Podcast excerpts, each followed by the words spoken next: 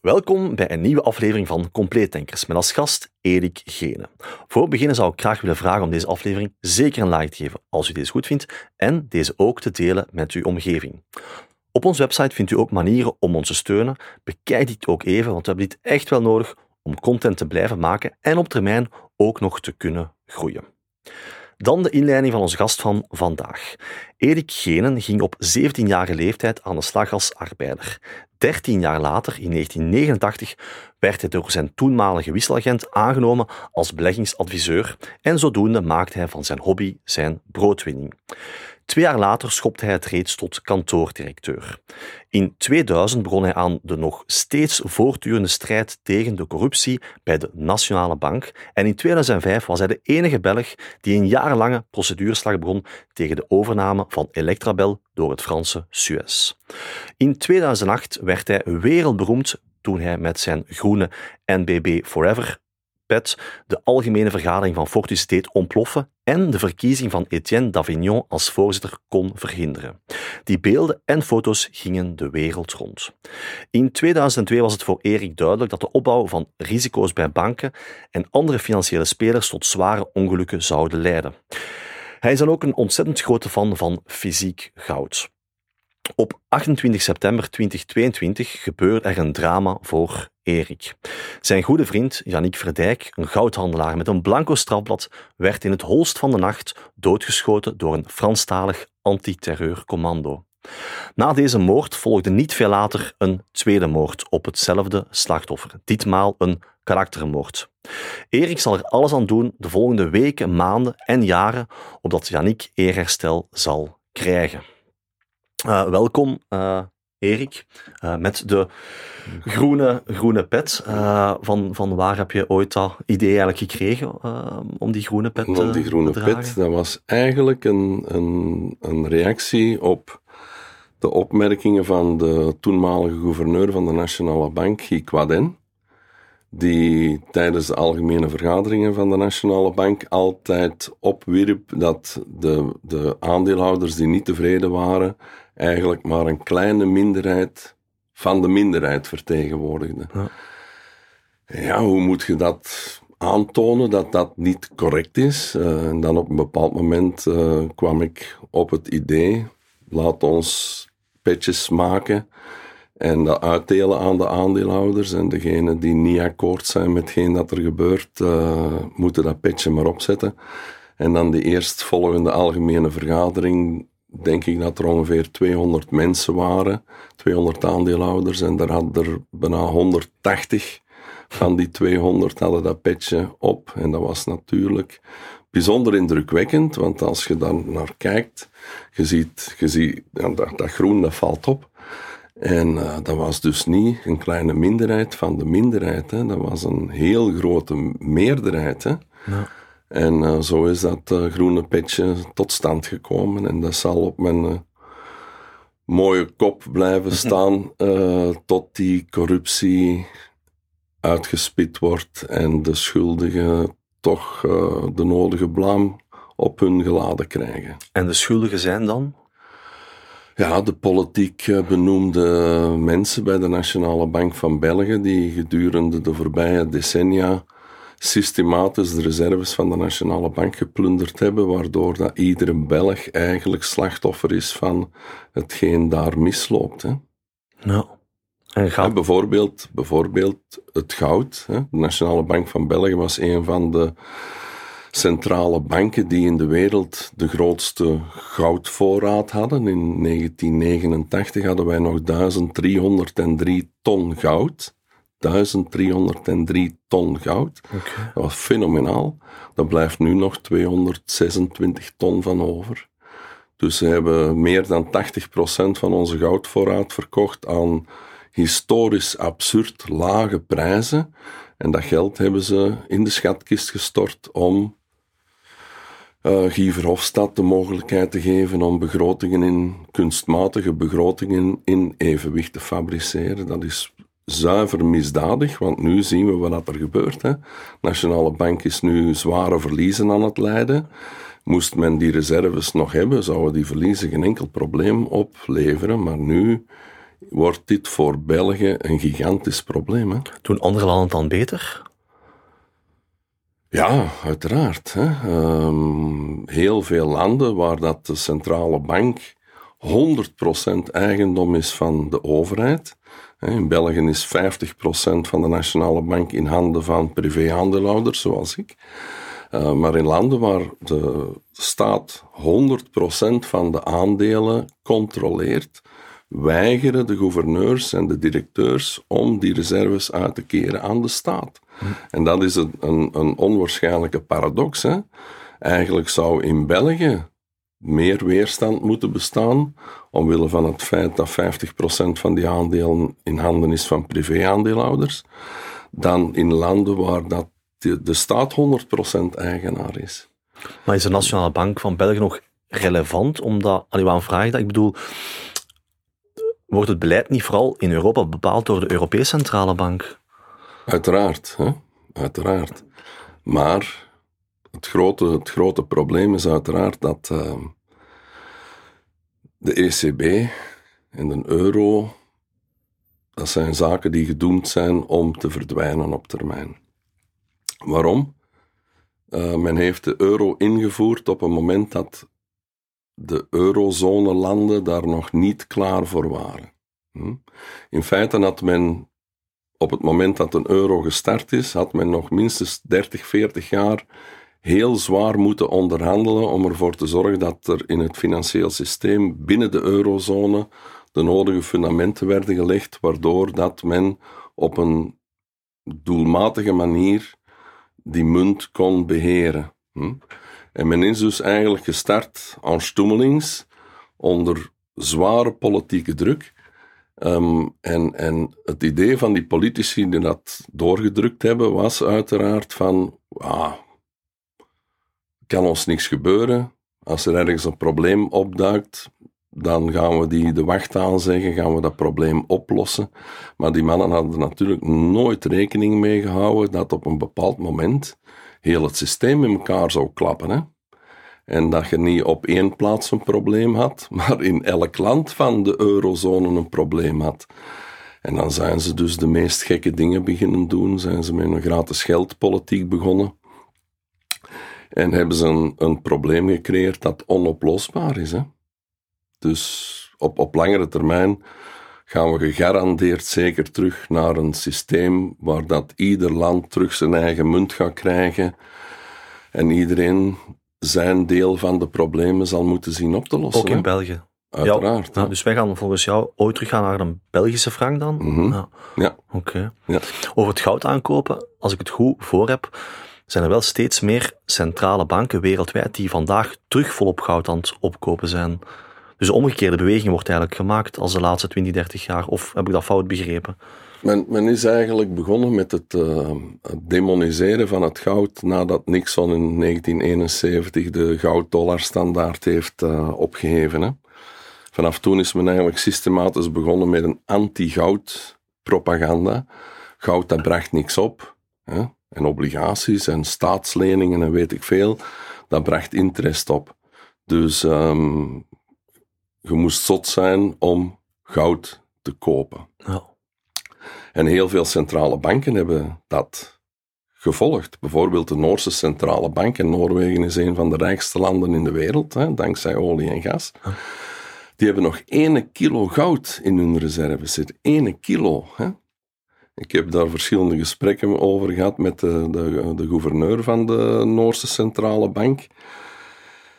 En daaruit blijkt dus dat die mensen eigenlijk totaal geen besef hebben van waar ze mee bezig zijn. Die, die, die geloofden echt, nu niet meer, geloof me vrij, nu niet meer, maar die geloofden dus echt dat zij zodanig verheven waren boven het plebs en boven de zwaartekracht, dat zij in staat waren om alle problemen die ooit op hun zouden afkomen wel te managen. Maar dat gaat uh, bijzonder moeilijk worden in de komende honderd jaar. Hm. Maar klopt het dan dat er meer en meer centrale banken goud aan het opkopen zijn? Natuurlijk, natuurlijk. Ja. Hè, die, ja. men, wordt, men, men wordt heel duidelijk gewaar wat er, wat er aan het gebeuren is. Hè. Toen Obama in 2008 president werd, toen had Amerika een staatsschuld van 10.000 miljard dollar. Mhm. En iedereen was ervan overtuigd dat dat veel te veel was en onhoudbaar was. En dat uh, die, die hoge staatsschulden, dat die een van de hoofdredenen waren van het ontploffen van het financieel systeem. Het begin van de financiële crisis. Wat zien we vandaag? Vandaag gaat Amerika richting 33.000 miljard dollar staatsschuld. Nu, volgens mijn laatste berekeningen is 33.000 niet minder dan 10.000. Ja? En men, men blijft gewoon verder gaan op dezelfde weg. Hè? In Amerika gaat men nu dus een munt slagen, de centrale bank van de Verenigde Staten, Federal Reserve, gaat een munt slagen van 1000 miljard dollar. 1000 miljard dollar. Ja, dat is gemakkelijk, hè? Maar dat toont ook heel duidelijk aan dat het geld eigenlijk waardeloos geworden is. Hè?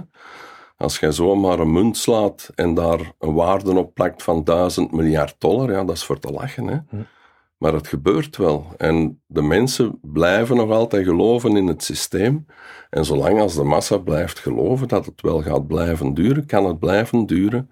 En kunnen ze dus, hè, wat gebeurt er? ze, ze slaan zo'n munt van 1000 miljard dollar. Ze kunnen er dan natuurlijk zoveel slaan als ze willen. Dat wordt in de reserves van de centrale bank gestopt. En ze zijn terug gezond. Hè? Hm. Maar dat is natuurlijk, dat is natuurlijk bedrog van, van, van het, uh, de hoogste schaal. Hè? Maar zien we niet momenteel een beetje de laatste stuiptrekkingen van die hegemonie van, van de dollar? Met de BRICS-landen die, als ik het goed gelezen heb, zouden deze jaar een conferentie plannen om, om een gezamenlijke munt uh, uit te mhm. brengen. Uh, of wat is jouw visie of mening ja, maar daar? De, de, de, zaken zijn heel duidelijk. Hè? De Verenigde Staten die zijn volledig afhankelijk van hun dollar als wereldreservemunt. Mm Neem die status van wereldreservemunt weg van een dollar en Amerika is failliet. Mm hm? Dankzij die status van wereldreservemunt kunnen zij dus boven hun stand blijven leven en blijvend die schulden blijven financieren. Um, de voorbije twintig jaar hebben we verschillende voorbeelden gehad van, van staatshoofden of landen die geprobeerd hebben om die hegemonie van een dollar te doorbreken. Saddam Hussein, hm? Gaddafi. Gaddafi, die met een, met een Afrikaanse munt wou komen, gedekt door goud. Ja, je, weet wat er met die mensen gebeurd is. Hè? Die worden gewoon geëlimineerd. Hè? En dan Poetin. De Verenigde Staten hebben in, in 2008 onder andere Rusland, maar ook Venezuela, verschillende landen gewoon gewurgd, omdat ze die landen verleid hadden om te veel schulden aan te gaan in, in functie van de draagkracht van die landen, met de, de verzekering dat een olieprijs nooit meer onder de 100 dollar zou zakken. En Rusland is daardoor bijna failliet gegaan. Hm? Op een bepaald moment is die, die, die olieprijs dan onder de 30 dollar gezakt, waardoor dat die landen die te veel schulden hadden aangegaan in dollar niet meer in staat waren of bijna niet meer in staat waren om die schulden terug te betalen. We herinneren ons allemaal de verhalen van Venezuela, die gigantische inflatie, die dat daar het gevolg van geweest is. Maar Poetin heeft daar een klop in zijn gezicht gehad, waar dat hem dus van helemaal ondersteboven geweest is. En op dat moment in de geschiedenis heeft Poetin dus beslist van kijk, die mannen willen ons kapot maken en we moeten ervoor zorgen dat ze dat niet gaat lukken. En op dat ogenblik is Poetin begonnen met het terugbetalen van alle buitenlandse schulden. En is Poetin ook begonnen met het explosief aankopen van fysiek goud. Dus de goudreserves van Rusland die zijn gigantisch gestegen sinds 2008. En daar ligt ook de reden waarom dat het Westen er niet in geslaagd is om vorig jaar, bij het uitbreken van dat conflict, Rusland financieel, economisch te breken.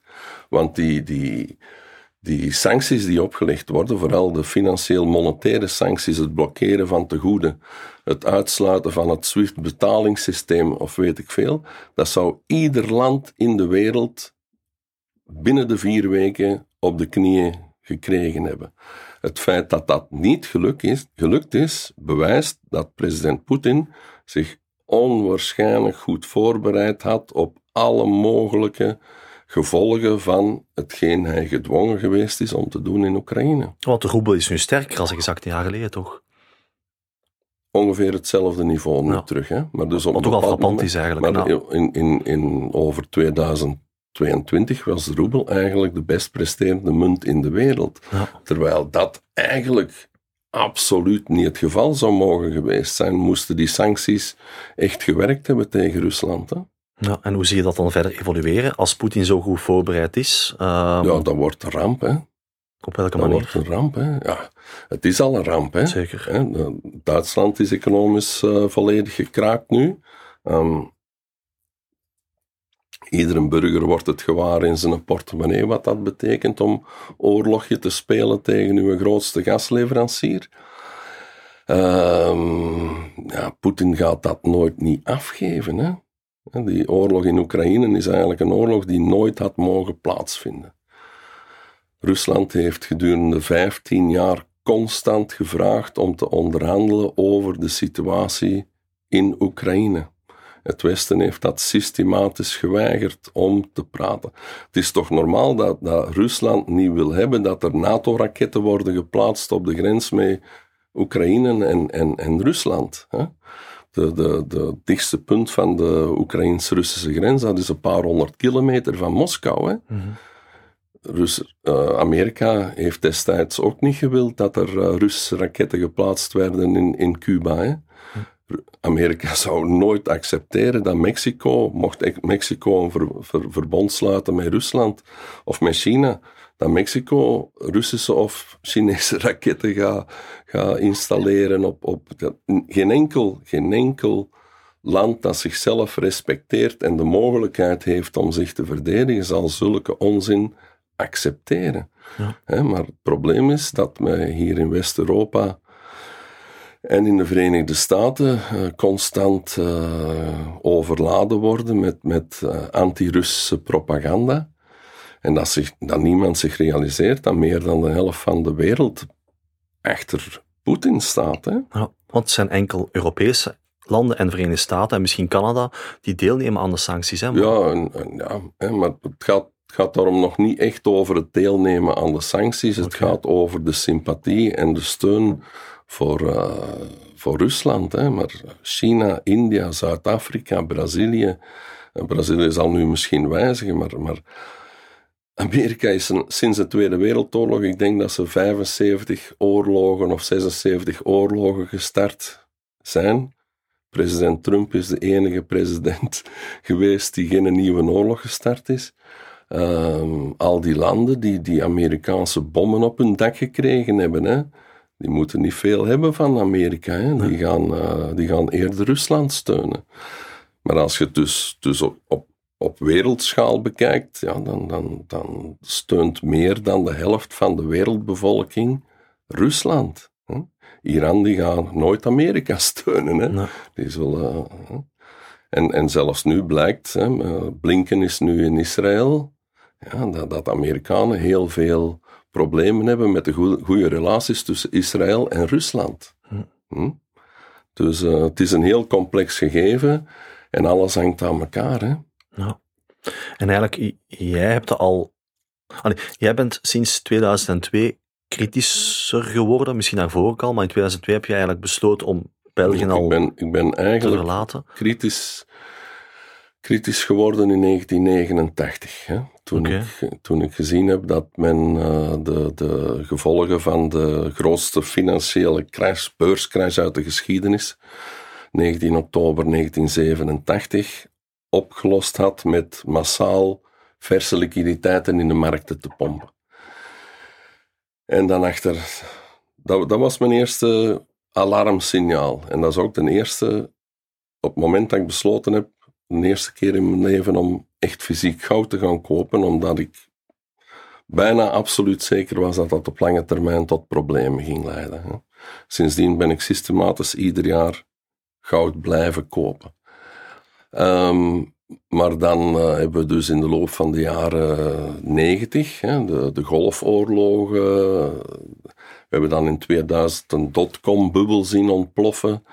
Uh, iedere keer spreken we over duizenden miljarden dollars die daarmee gemoeid zijn en die, die in dat systeem gepompt worden om de boel te laten draaien. Dan hebben we de aanslagen gehad uh, in september uh, 2001. En al die problemen werden opgelost door massaal verse liquiditeiten in het systeem te pompen. Maar die liquiditeiten die, die stapelen zich ergens op. Hm? En dan moeten er manieren bedacht worden om die liquiditeiten, die overtollige liquiditeiten, die eigenlijk niks te maken hebben met de economische ontwikkeling, om die toch te laten renderen. En dan zijn, dat, was al begonnen in de loop van de jaren negentig, en dan zijn die banken altijd steeds meer complexe instrumenten beginnen ontwikkelen, waarvan eigenlijk niemand juist begreep hoe dat ze werkten, maar die wel onwaarschijnlijk goed geld opleverde. Ja, en dan eindigt je dus in een... En als zo'n situatie blijft duren, dat is heel belangrijk om te begrijpen, dan beginnen die mensen die, die, die absurde producten op de markt brengen, echt te geloven dat ze halfgoden zijn. Hè? Hm. En dat dat niet, niet, niet verkeerd kan gaan, want ze verdienen, elk jaar verdienen ze meer. Ja, oké, elk jaar verdienen ze meer, maar op een bepaald moment doen ze wel het systeem ontploffen. Hè? En, en wat zei je ermee als je elk jaar 100 miljoen verdient en dan na 15 jaar alles verliest wat je hebt en nog veel meer? Hm. Nochtans, het is nog altijd niet ontploft eigenlijk, hè? want in 2002 heb je gezegd van ik ga België verlaten en een veiligere orde opzoeken. Je bent nog wel heel vaak teruggekomen, want je bent heel zichtbaar geweest uh, mm in, in België, ook in de media de laatste twintig jaar met jouw strijd, Nationale Bank en andere die we hebben aangehaald. Maar de bom is voorlopig nog, nog niet ontploft. Jawel, de bom, bom, is wel ontploft. Hè? Okay. De bom is wel ontploft. Hè? In 2008 is de bom ontploft. Hè? Ja. Uh, maar dan kom je in, in, in een situatie van, van massa... Ze hebben het wel kunnen oplossen door hetzelfde, nee, nee, meer van hetzelfde nee, te doen. Ze hebben, ze hebben het niet opgelost, ze hebben het erger gemaakt. Je zegt het zelf, hè? Ze hebben het opgelost door hetzelfde te doen. Nee, nee, nee, nee. Ik heb, ik, een, van de mooiste voorbeelden die ik altijd geef, hè? Als je een halve meter water in je kelder hebt staan, dan krijgt je de kelder niet droog door daar twee meter water bij in te pompen. Hè? Nee, dan wordt je kelder natter. Hè? Ja. Maar wat hebben ze gedaan?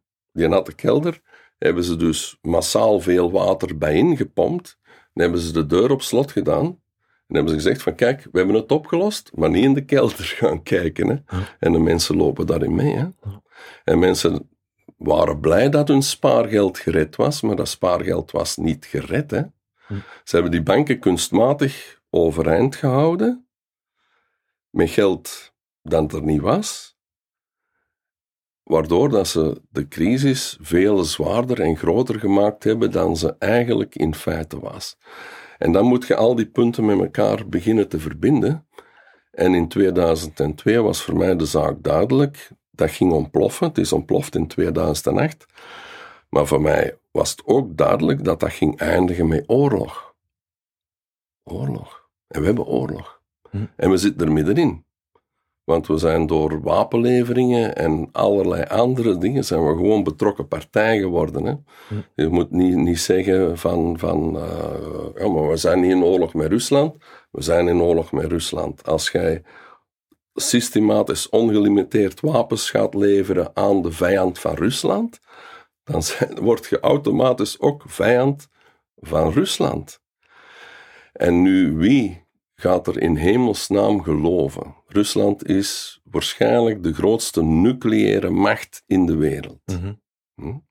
Wie gelooft er dat Rusland zich daar even gaat laten verslagen? Dat gaat nooit niet gebeuren. Hè? Rusland gaat zich niet laten dingen. Trouwens, moest Rusland echt in gevaar komen, dan gaan de Chinezen ook mee met hun kaarten op tafel eh, beginnen gooien. Hè? En welke kant zouden zij kiezen dan? China steunt Rusland van 100 procent. Hopelijk niet. Hè. Dat, is allemaal, dat is diplomatie en weet ik veel. Maar dat is het eigenaardige. Normaal gezien, in zulke conflicten gaat je nooit openlijk partij kiezen. En dat hebben wij dus wel gedaan. Ja, ja. Maar op termijn schiet de VS toch gigantisch in eigen voeten op deze manier. Nee, de VS heeft die oorlog nodig om, om die dollar, de, de, die, die wereldreserve muntstatus van die dollar te kunnen behouden. Hè? Hm.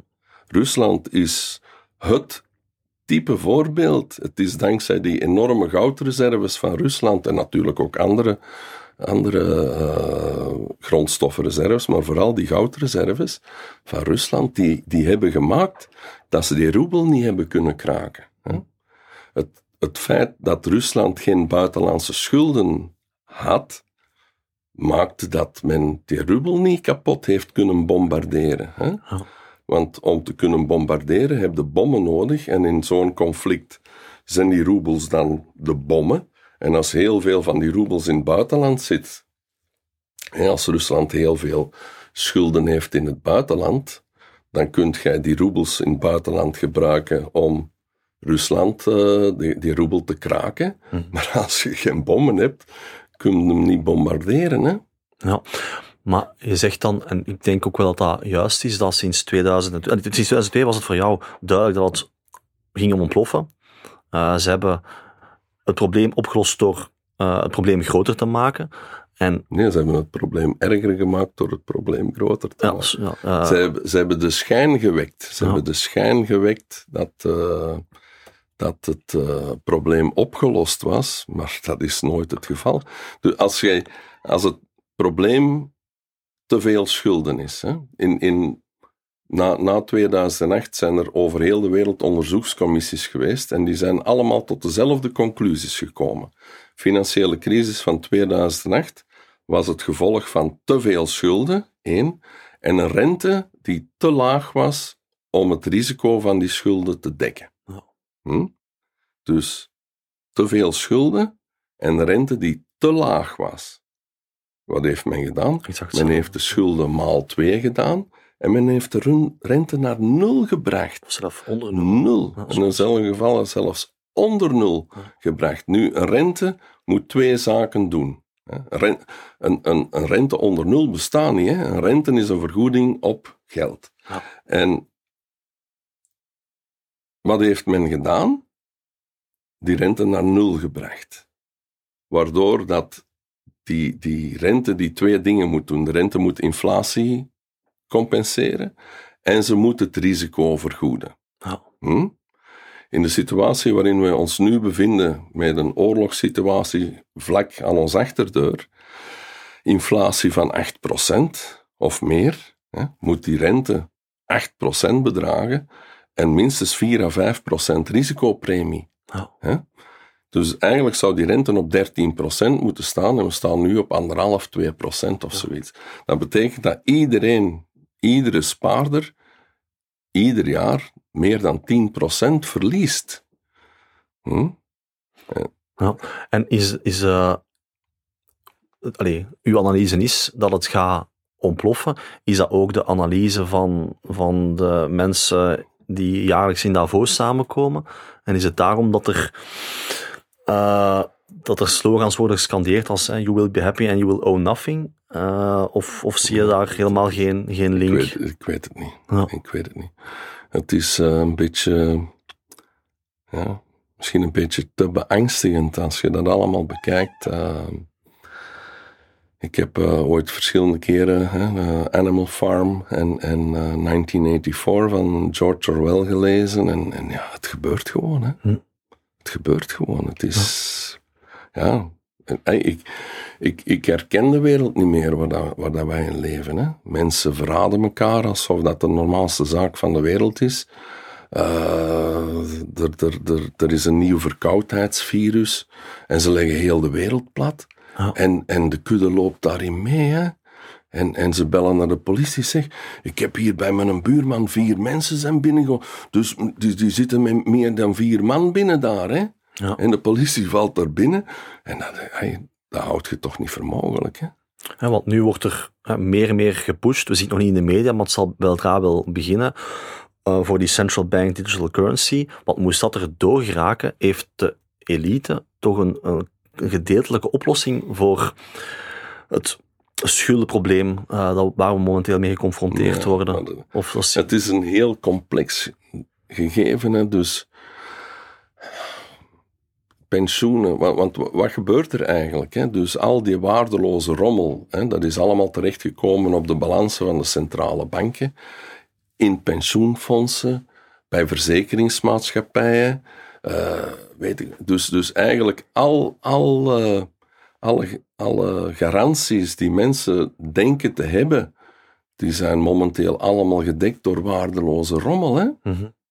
En dan, ja, dan, dan begint je inderdaad de vraag te stellen op lange termijn, hoe gaan ze dat oplossen? Hoe gaan ze dat oplossen? Gaan ze gewoon heel de boel wegvegen, die dat we al, al ontelbare jaren kennen? En gaat men dat inderdaad vervangen door iets, hè, die digital currency? En, en, en de, de, ik versta het echt niet meer. Hm. Het is, maar het is wel levensgevaarlijk. Hè. Je kunt niks meer doen, je kunt dingen. En, ja. Maar ik denk dat de oplossing op zich wel goed gevonden is. Het enige probleem is voor ons, hè, de burgers, dat er ook een totale controle volgt bij zo'n, met zo'n programmeerbare munt. En we kunnen niet meer Ja, zelf... maar de, de, de wereld is zo, zo complex, Mhm. zo divers. Ehm, ik heb heel dikwijls de indruk dat men, men, men plannen maakt en, en ideeën ontwikkelt die zouden kunnen werken. Als alles overal ongeveer hetzelfde is, Mhm. maar dat is niet het geval. Hè? Ja. Er zijn, er zijn heel rijke landen in de wereld, er zijn heel arme landen in de wereld. Eh, er zijn heel rijke mensen in België, er zijn heel arme mensen in België. En, en alles, is, alles is overhoop gehaald. Al onze normale dingen die zijn allemaal abnormaal geworden. Eh, je mocht geen zwarte pieten niet meer, eh, verhalen niet meer vertellen. Ehm, het, is, het is eigenlijk onbegrijpelijk. Hè? Zou het daarom niet, als het gaat ontploffen, want het zal ooit moeten ontploffen, want allee, ze kunnen het niet blijven uitstellen, die executie, gaat het gevolg niet net zijn dat de landen meer op zich, naar zichzelf gaan, op zichzelf gaan keren eh, en terug, zoals je dat straks al aanhaalde, naar een eigen munt zullen gaan? Het En is, net het tegenovergestelde van wat eh, de World Economic Forum eigenlijk eh, voorop stelt, naar een ene wereldregering gaan, daar gaat het toch nooit van, van kunnen komen. dan, ja, dat is, ja. Ja. Dat is, dat is bijna onmogelijk te, te vatten. Hè? Hm. Of je moet echt een supermacht hebben die, die op ieder moment, waar ook ter wereld, iedereen kan, onmiddellijk kan uitschakelen die niet in hun spel meespeelt. Hè? Hm. En dat is toch wel, als je ziet hoeveel, hoeveel problemen de Amerikanen in, in Afghanistan gehad hebben met, met, met een stelletje boerenkinkels, laat het ons zo zeggen. Ja, en ze zijn met een staart tussen hun benen moeten gaan lopen. Ja. Hoe gaan ze dat dan in heel de wereld eh, klaar krijgen? Dat is toch bijna... Ai, Langs de andere kant, het laatste jaar hebben we gezien dat je al heel veel kan bereiken door gewoon de, de big tech te controleren. Hè. ja, De censuur de laatste jaren is, is gigantisch. Hè. En je hebt blijkbaar ook geen wapens meer nodig. Hè. De wapens vandaag zijn, ja, zijn big tech en, en, en, en social media. En, en mensen die kritisch zijn, eh, die worden ook volledig gecanceld. Of Ja. gecensureerd of, of genegeerd. Maar, maar dan, ja, dan, dan, dan, dan zou er een, een dingen moeten komen dat, dat China en India en, en, en al, die andere weer, eh, al die andere belangrijke landen in de wereld die, die niet op dezelfde lijn zitten als de Verenigde Staten, dat die toch een, een pact gaan sluiten met een duivel. eh. Hm. Hè? Terwijl dat, dat er de jongste tijd, en dat is toch wel schrikbarend, vind ik, meer en meer berichten opduiken dat er binnen dit en een paar jaar oorlog zal zijn tussen de VS en, China. Laat ons zijn, maar, maar in ieder geval, dat voor mij in 2002 al duidelijk dat de Verenigde Staten niet kunnen overleven de status van hun eh, dollar als wereldreservemunt niet kunnen handhaven zonder een hele grote oorlog. En met een hele grote oorlog, ja, wie is daar altijd slachtoffer van? Niet de gasten die hem financieren hè, en die de wapens sturen, hè, maar de gewone mensen. Hè, Die mensen in Oekraïne nu, hè, het vriest daar, de stenen uit de grond, uh, geen verwarming, geen water, uh, dingen. Het is afgrijzelijk, hè? Voor ja, die, die gewone burgers dat, en, en die hun huizen kapotgeschoten zien en, en weet ik wat. Hè. Die mensen die worden terug naar het stenen tijdperk gebombardeerd. Hè? Ja. En dat zijn allemaal dingen, hè. we moeten Poetin verslaan. Maar dat kunnen we niet. Die, is, die heeft te veel middelen, die heeft te zware wapens om verslagen te worden. En hoe, als, als, als die op een bepaald moment in een hoek gedrukt wordt, waar dat hem voelt dat hem niet meer uit kan, ja, dan vrees ik het ergste. Hè. En waarom wordt er niet gewoon met hem gepraat? Ja, dan heb je geen oorlog. Hè. Ja. Dus in december 2021 heeft Poetin een laatste wanhopige brief gestuurd naar uh, Biden. Te zeggen, we moeten praten over de situatie in Oekraïne, want dat gaat uit de hand lopen. Poetin heeft gezegd, we, we praten niet met Oekraïne, over Oekraïne met u. Hm. Biden, ja. Ja. Dan weet, dan weet je wat er gaat gebeuren. Hè? Dat is zelfs het moment als met die revolutie in 2014, revolutie, in mijn ogen hoogstwaarschijnlijk een CIA-operatie, de Maidan en weet ik veel. Ik heb daar ondertussen al heel veel uh, zaken over gelezen en, en, en, en, films over bekeken. Ja, op dat moment dat dat gebeurt, ja, dan weet je toch dat die Russen de Krim gaan innemen. Hè? Ja, want de Russen gaan aangekondigd op voorhand. Ja, maar, maar ja. de Russische Zwarte Zeevloot die ligt daar. Ja. Hè?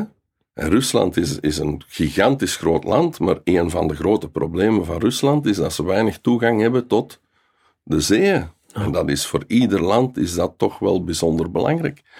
Dus dan, dan, dan weet je op dat moment dat die nooit hun, hun zwarte zeevloot gaan opofferen om... Uh, en trouwens, de Krim is altijd Russisch geweest. Hè? Ja. Dat is eigenlijk maar toevallig aangehecht aan Oekraïne, omdat dat beter paste in, in de structuur van de Sovjet-Unie. Hm? En in 2014, wie daar ook al terugkwam, of was, was Guy Verhofstadt, die had hem straks ook al aangehaald. Uh, Jij kent hem ook beter, alleen persoonlijk misschien niet, maar uh, je hebt ook vastgebeten in het dossier van Electrabel en, en Suez, want daar zat Verhofstadt ook mee in, hè? Of, of hoe zie je, of wat is jouw analyse ja, daar? Het is, dat is onbeschrijfelijk. Hè? Welk land in de wereld verkoopt zijn monopolie elektriciteitsproducent aan een buitenlands bedrijf. Er is geen enkele bananenrepubliek in de wereld die dat in zijn hoofd zou halen. En dan zijn we in een situatie beland, hè, van voor 2002 produceerde Electrabel bijna 50% meer elektriciteit dan wij verbruikten. Hm, dat was een prachtig bedrijf dat ieder jaar mooie winsten maakte, mooie dividenden betaalde, miljoenen en miljoenen en miljoenen belastingen betaalde en weet ik veel. Je geeft dat bedrijf uit handen en dan gaat men daar in het buitenland pingpong mee spelen. Hè. Ik heb daar zeven jaar tegen geprocedeerd. Uh, ik heb uh, eigenlijk over de lijn gelijk gekregen behalve over een klein detail, omdat er een fout in de wetgeving stond. Maar ik heb die zaak gewonnen voor het Hof van Cassatie. Ik kan die eventueel terug erop starten. Hè. Maar ik, en kan de verkoop dan ongedaan gemaakt worden als je dat zou winnen? Of is dat nee, te lang geleden? maar dan, dan uh, zou er wel een, een serieuze bijkomende schadevergoeding moeten komen. Ik denk dat enkel alleen nog mogelijk is om dan een bijkomende schadevergoeding voor de aandeelhouders te, te krijgen. En wie moet dan betalen? De Belgische overheid dan? Nee, dat zou dan uh, Suez moeten zijn, hè? maar ja, dat, dat, dat, het is... Maar eigenlijk is, Suez, toch, is Suez niet gewoon briljant geweest en, en, en, en hebben we ons niet gewoon laten rollen? Of ziet u, zie je dat anders? Het is een, een, het is een absurd spel dat er gespeeld is. Hè. Het, het, het, is allemaal begonnen met die, met die wet op die sluiting van die kerncentrales. Hè. Dat was 2001, als ik me niet vergis. Op dat moment maakt Verhofstadt en co. maken ze die kerncentrales waardeloos. Hm? Waardoor dat Suez in 2005 Electrabel kan opkopen voor een appel en een ei. Hè? En dankzij mijn interventies bij de, bij de bankcommissie destijds heeft uh, Suez een heel belangrijke passage moeten inlassen in, in hun prospectus, dat er eerst niet in stond, maar dat ze onder mijn druk er hebben moeten inzetten. En die passage, passage zegt, wij hebben bij de berekening van de waarde van Electrabel geen rekening gehouden met de eventuele verlenging van de levensduur van de Belgische kerncentrales, maar wel met de vervanging ervan. Met de kosten voor de vervanging ervan. Dus die kerncentrales die waren 16 miljard euro waard, daar hebben ze geen rekening mee gehouden. Maar ze hebben er wel rekening mee gehouden met de enorme kosten ja, als je die zaken op bijeentelt, dan, dan, dan weet je toch dat je een aalmoes krijgt voor die prachtige aandelen. Ja. En in hetgeen ik ook altijd in alle pleidooien voor het Hof van Beroep heb aangehaald, want ik heb die zaak zelf gepleit. Ik had een hele goede advocaat die de juridische kant van de zaak deed, maar ik heb dus de, de, de grond van de zaak gepleit. En ik heb altijd gezegd, als we dit laten passeren, dan wordt België dus voor de rest van de geschiedenis gijzelaar van Frankrijk. En wat zien we nu? Ze spelen met ons voeten, dat klettert. Hè? En, en we moeten voor alles betalen. Hm. hm? Trouwens, twee jaar na de overname is Electrabel verlies beginnen leiden. Hè?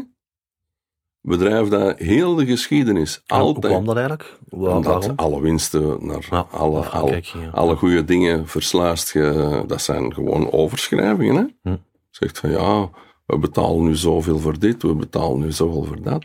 En, en Electrabel begint, begint verlies te leiden. Dus ze, de, de, je krijgt geen dividenden niet meer, je krijgt uh, geen belastingen niet meer, want als je verlies maakt, moet je geen belastingen betalen, hè dat is voor België dat is een drama geweest. Hè. Is Verhofstadt daar zelf beter van geworden?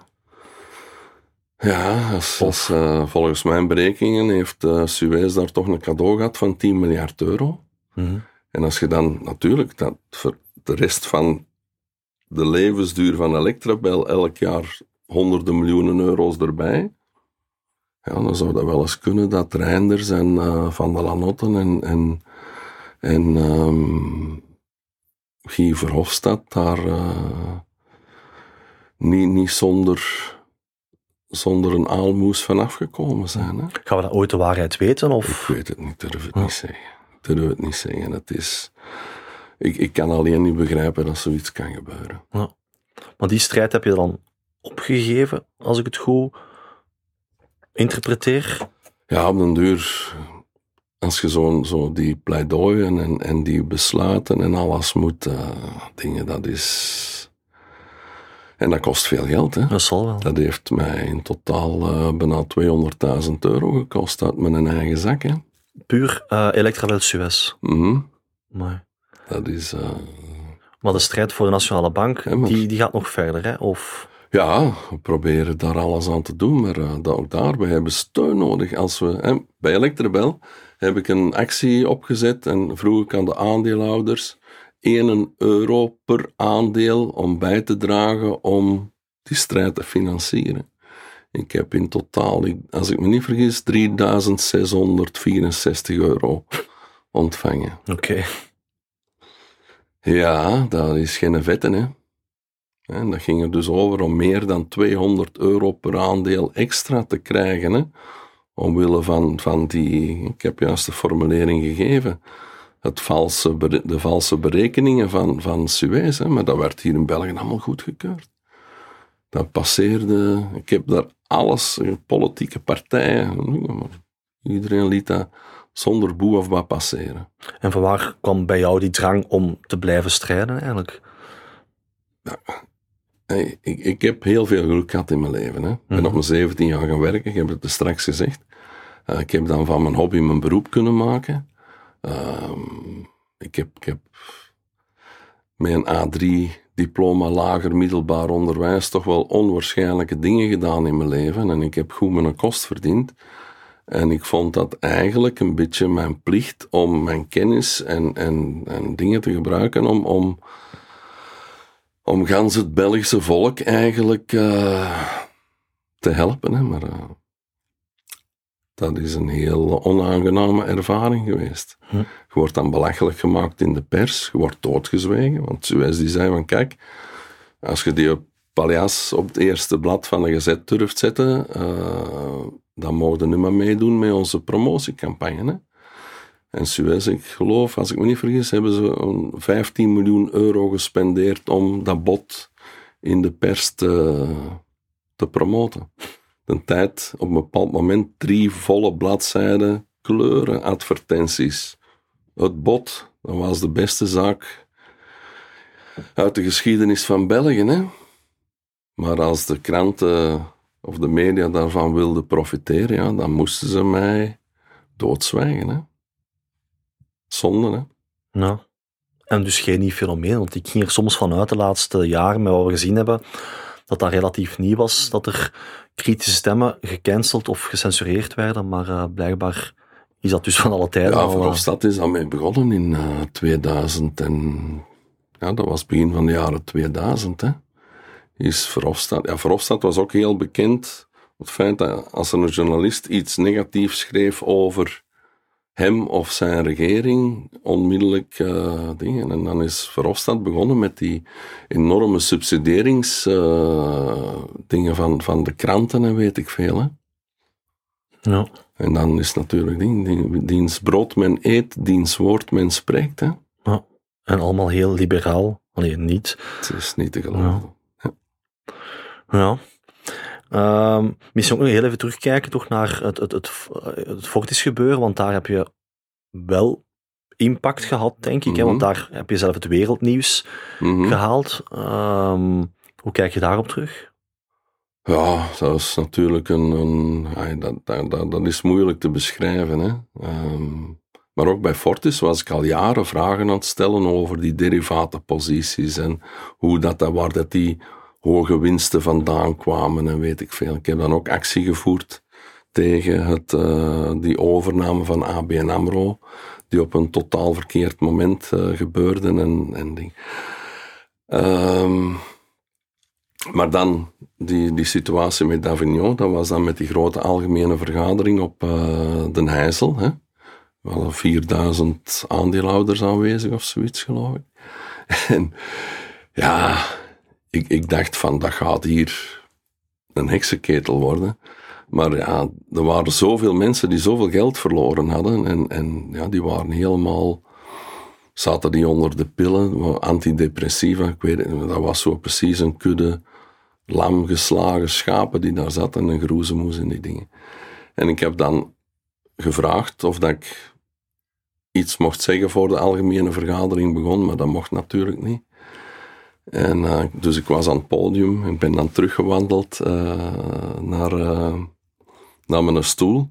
En terwijl ik terug aan het wandelen was en ik hoorde dat geroezemoes in die zaal, ik dacht van ik moet hier toch iets proberen. En dan ben ik beginnen roepen, Mitler, Lippes, Vautron, au prison. de eerste keer dat ik geroepen had, dan viel dat geroezemoes helemaal stil. Heb ik dat van een tweede keer gebruld en ik kan nog wel hard roepen. en dat was echt, je hoorde niks meer in die zaal. Dat was complete stilte. Ik dacht in mijn eigen van, ja, dat is hier om zeep, dat is ding.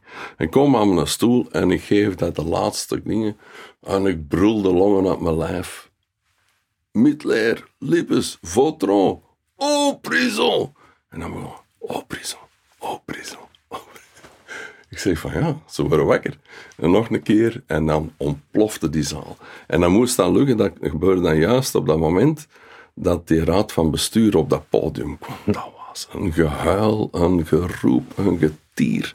Al die frustraties, dat kwam eruit en dingen. Maar oké, dan begint die algemene vergadering. En dan de vragen, dingen, maar dat duurt dan uren en uren en uren en uren. En je voelt dan die dingen en mensen vallen terug in slaap.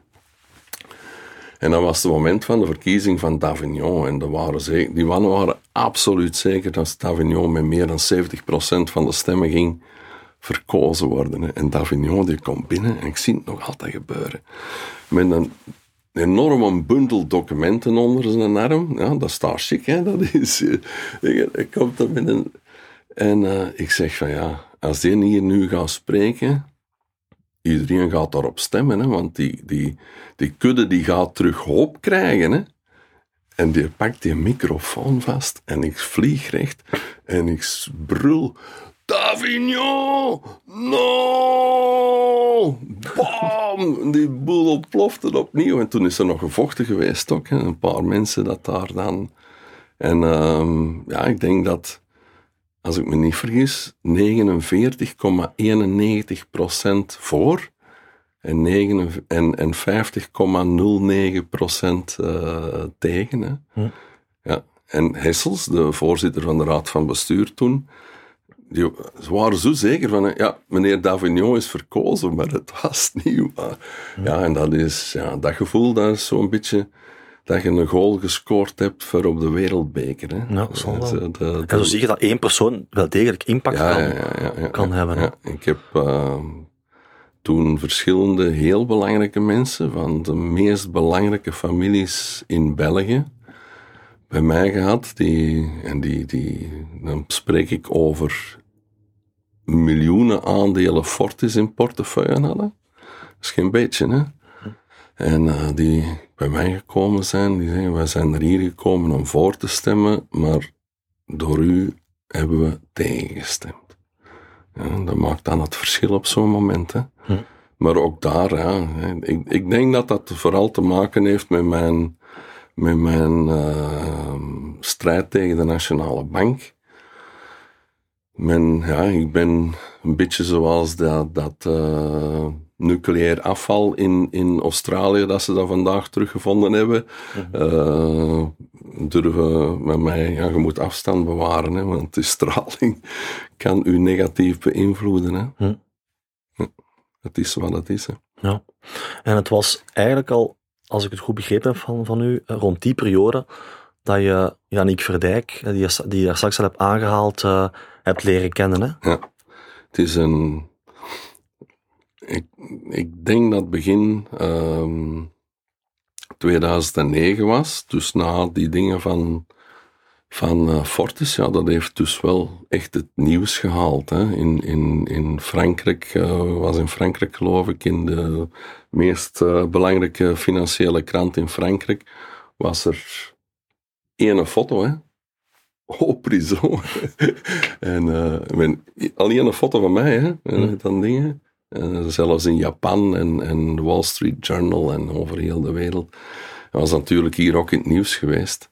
En ehm, op, op een, ik weet niet meer juist waar, maar dat was in ieder geval op een presentatie van, was het van de Nationale Bank of, of iets dat met Fortis te maken had. Ehm, en ik, ehm, ik sta daar in een gezelschap van een stuk of tien mensen. Allemaal chic kostuum, de dames mooi opgetuigd, eh, kostbare juwelen, chic gezelschap. En in één keer komt daar zo, eh, ja. Jannik, in die tijd, dat was, ja, dat was nog een student. eh, en hij was een beetje een sloddervos, hè. En, en die komt daartussen staan en ik dacht van, wat gooien ze hier binnen, hè. En eh in één keer zei hij, zeg, mag ik zo'n groen petje hebben? Ik zeg, ik heb die altijd bij en ik, ik geef hem een petje. Die geeft mij vijf euro. Ik zeg, ja, maar nou, nou, nou, nou, dat kost voor u ook geld, zei hij. Ik zou u willen komen helpen. Ik dacht in mijn eigen van, ja, dat zal wel, ja. En eh, ja, daar is dan een heel hechte vriendschap uit ontstaan. En eh ja, Jannek is dan een, eigenlijk mijn rechterhand geworden in de strijd tegen de Nationale Bank. Hè.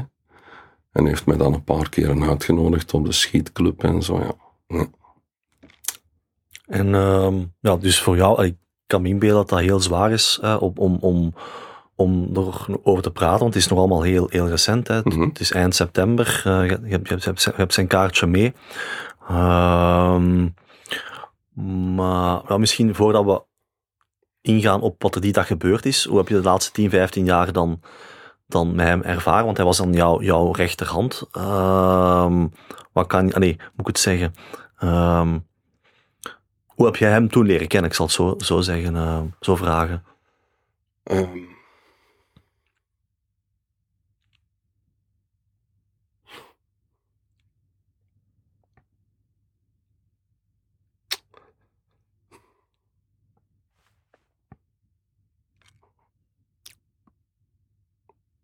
Dat is niet, niet evident, hè. Uh,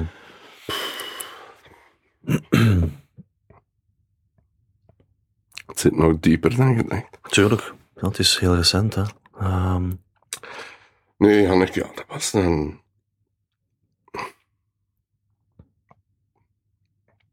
onwaarschijnlijk verstandige kerel, die ook uh, in staat was om allerlei zaken aan elkaar te koppelen. Nou. En um,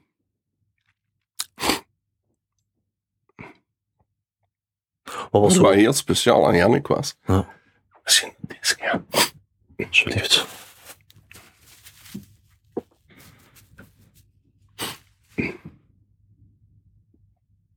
Jannik was eigenlijk constant bezig met het idee van het verdedigen van zijn familie Mhm. en zijn vrienden. Dat was voor hem iets dat eigenlijk de belangrijkste drijfveer in zijn leven was. En ja, dat was gewoon.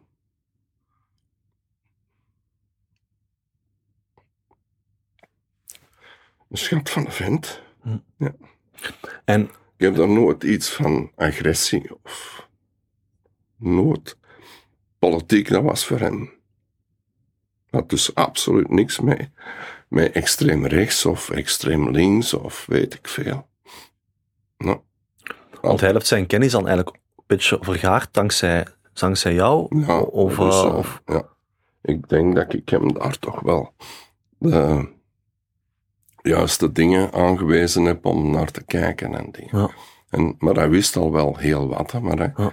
Hij- op dat moment kon hem nog niet echt die, eh, die verbanden leggen. Hm. En dan is hij enorm veel beginnen lezen en studeren en weet ik wat. hè. Waarom? Doordat hem eh, ja, echt wel tot op een heel hoog niveau ehm, ge- geraakt is. Hè. In de media hè, werd, er, werd hij een beetje belachelijk gemaakt als een, als een prepper. Hè, dus iemand die Mhm. zich voorziet op potentiële eh, problemen in, in de toekomst. Hoe sta je daar tegenover? Ja, ik ben mij beginnen preppen in 2002. Hè. Ja. Iedere mens die zich niet voorbereidt op de toekomst, ja, dus, dan leefde van dag tot dag. Hè, en dan, dan de minste tegenslag overleeft je niet, want je houdt geen rekening mee met dingen. Dus eh, preppen is iets heel positiefs. Hè? Ja. Hè, dat, is, hè, dat zijn zo van die dingen, bijvoorbeeld in de financiële wereld, eh, speculeren. Ah, dat heeft een hele negatieve bijklank, maar eigenlijk specularen, vooruitkijken, proberen in te schatten. Hè, dus, eh, en dat preppen, dat hebben ze ook zo in een hoekje geduwd. maar ik zeg nog eens, bij Jannik was daar absoluut, daar ben ik absoluut zeker van, nooit enige intentie om dat te doen op een offensieve manier. Om, nee, altijd defensief verdedigen, beschermen van familie en vrienden. Dat kwam altijd terug. Klaar zijn voor het moment dat de overheid niet meer in staat zou zijn om zijn burgers te beschermen. En ja, dat gebeurt in zoveel landen in de wereld. Dat is al op zoveel tijdstippen in de geschiedenis gebeurd dat een, een, een, een, een samenleving of een staat of weet ik veel eh, in elkaar klapt en, en iedereen voor zijn eigen zelf moet zorgen om, om je ziet wat er ooit in Rwanda gebeurd is of in Zimbabwe of ja, in alle mogelijke landen in de wereld in de loop van de geschiedenis zijn er dingen gebeurd die totaal onvoorstelbaar waren. Soms zelfs een paar weken vooraleer dat gebeurde. Maar dan gebeurt dat en als je niet klaar bent, dan gaat je kop eraf als je niet... Hè? Dus ehm, ja, maar dat was... Ik denk, ehm, zo ongeveer de hardste klap uit mijn leven. Ja. Zal wel. En uh, ja, misschien moeten we een keer gaan kijken, want, want er zijn weinig mensen die er een goed zicht op hebben wat er juist is gebeurd. De Mhm. media schrijft er heel weinig over, Mhm. terwijl eigenlijk zouden ze ja, van de daken moeten schreeuwen dat er iets, wat daar is gebeurd, een, een, een grote Mhm. schande was. Ehm, maar ja, wat is er eh, juist gebeurd? Want misschien niet iedereen die kijkt en of luistert eh, gaat het verhaal kennen, want we hebben ook een heel aantal Nederlanders die kijken en luisteren. Maar eh, wat is er dan juist gebeurd op die ja, 28 september eh, 2022? Maar ik denk, ik denk ehm, dat Jannik het slachtoffer geworden is van een, een, een situatie die al een hele tijd aan de gang is. Het, het demoniseren van het, het anders denken dan hetgeen ons opgedrongen wordt. Hè. Hm. Ehm, je, je moet allemaal dezelfde lijn volgen. Hè. COVID-19 onzin, allemaal een masker op, allemaal asociale afstand houden, weet ik veel. Eh, we zitten met de problematiek van, van islamterreur en, en, en godsdienstige dingen. Hetgeen er een paar dagen geleden in Spanje gebeurd is met die pastoor. Eh, hetgeen dat er in, in het station gebeurd is. Het zijn allemaal verwarde mensen, maar je ziet het constant gebeuren. Hè? Je mocht het geen een terreur noemen, hè? want dat- ze weten nooit niet of dat wel terreur is of, of eh, weet ik veel. Nu, men, men probeert dus altijd de dingen te verschuiven extreem rechts. Mhm. Alle kwaad komt van extreem rechts. Terwijl extreem rechts, ik ken. Ik ken persoonlijk, denk ik, niet echt extreem rechtse mensen. Ik, ik ken heel veel mensen die niet content zijn met hetgeen dat er de jongste jaren allemaal gebeurt, maar daarom zijt je nog niet extreem rechts, hè? Ja. Daarom dan zijt je misschien gewoon eh, een normale, gezonde. Maar dus, men is op zoek naar, naar eh, slachtoffers, om als voorbeeld te dienen van pas op. En ik denk dat Jannik daar ergens een, een, een, eh, een trofee moest zijn. Jannik had eh, heel wat wapens vergund. Hij had ook een wapenverzameling, wapens die niet, niet marcheerden. En weet ik veel. En ehm, ja, hij was een prepper, hè. Hij, eh, overal dat dingen. Hij schreef daar artikels over. Hij kwam mee op podcasts en weet ik veel. En overal waar dat Jannik kwam, hè, je moet wegen voorbereiden, je moet klaar zijn tegen dit, je moet eh, zorgen dat je voldoende eten in huis hebt. Vooral, dat, dat was Jannik. En nu moesten ze zo iemand natuurlijk kunnen arresteren. En geloof mij, overal waar dat ze binnenvallen, hè, kun je wel iets vinden waaraan dat je kunt zeggen van jongens, dat is hier niet juist. Hè. Mhm. En als dat dan op wapens zijn en munitie en weet ik veel, die bedoeld waren om zich te verdedigen, niet om aanslagen te plegen of andere mensen te kwetsen of weet ik veel, om zich en zijn familie en vrienden te verdedigen. Daar kun je natuurlijk een heleboel ehm, zaken vinden die niet helemaal. Jannik was ook iemand, ja, was een goudhandelaar, hè? officieel zelfstandig goudhandelaar. Met veel goud in huis. Jannik was iemand zoals ik, die absoluut geen enkele bank vertrouwde, dus ja, veel cash en weet ik veel. Ja, voor het gewone publiek, ja, dan worden al bijna een duivel, hè. Mhm. Dus ik denk dat hij op een, op een, op een bepaald moment ergens in het vizier beginnen lopen is van, ehm, van de staatsveiligheid. Hm? Hij praatte er ook overal over, hè? In, in cafés en weet ik veel. En ik heb hem dikwijls gezegd, hij zei geen verkeerde dingen. Maar ik zeg, Jannik, daar een beetje voorzichtig mee zijn. Want ik versta dat en je hebt 100% gelijk. Maar voor 99% van de mensen kan dat gevaarlijk klinken. Hè? Mhm. Alhoewel dat totaal niet gevaarlijk. Dus ik geloof, na al hetgeen wat ik over de zaak weet, dat men Jannik nodig had als een soort van ex gevaarlijk extreemrechtse trofee, die dat ze op een manier hadden kunnen etaleren waar dat zelfs zijn beste vrienden aan hem zouden kunnen zijn gaan twijfelen. Maar dan loopt dat spelletje verkeerd. Dus wat gebeurt er? Ze sturen een, een Franstalig antiterreurcommando. Waarom Franstalig?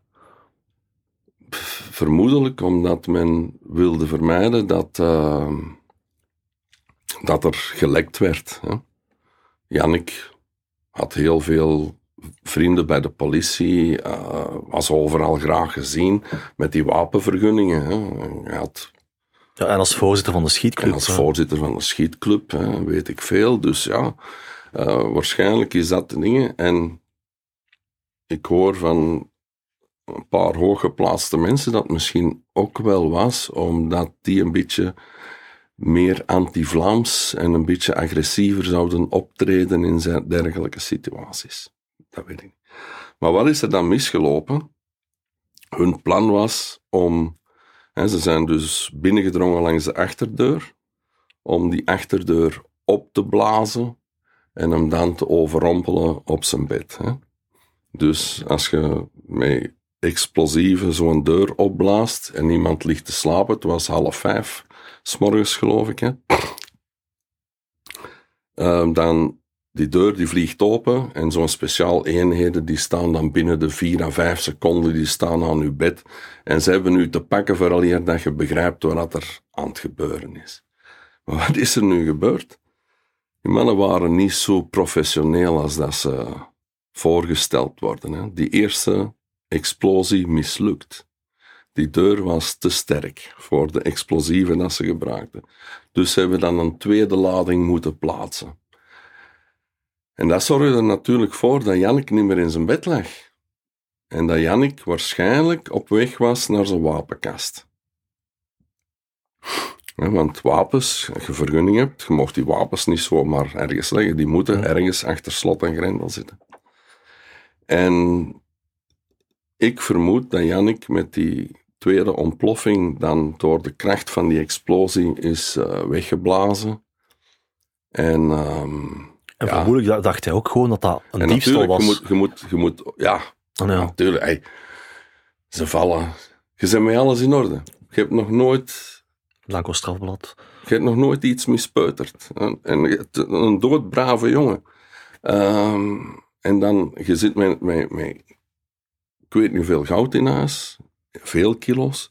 Je zit met, ik weet niet hoeveel cash in huis. Dan blazen ze uw deur open en ze beginnen in het Frans te brullen. Wat denkt u dan? Oh, dat is politie. Ik zal mijn eigen maar uh, op mijn knieën zetten.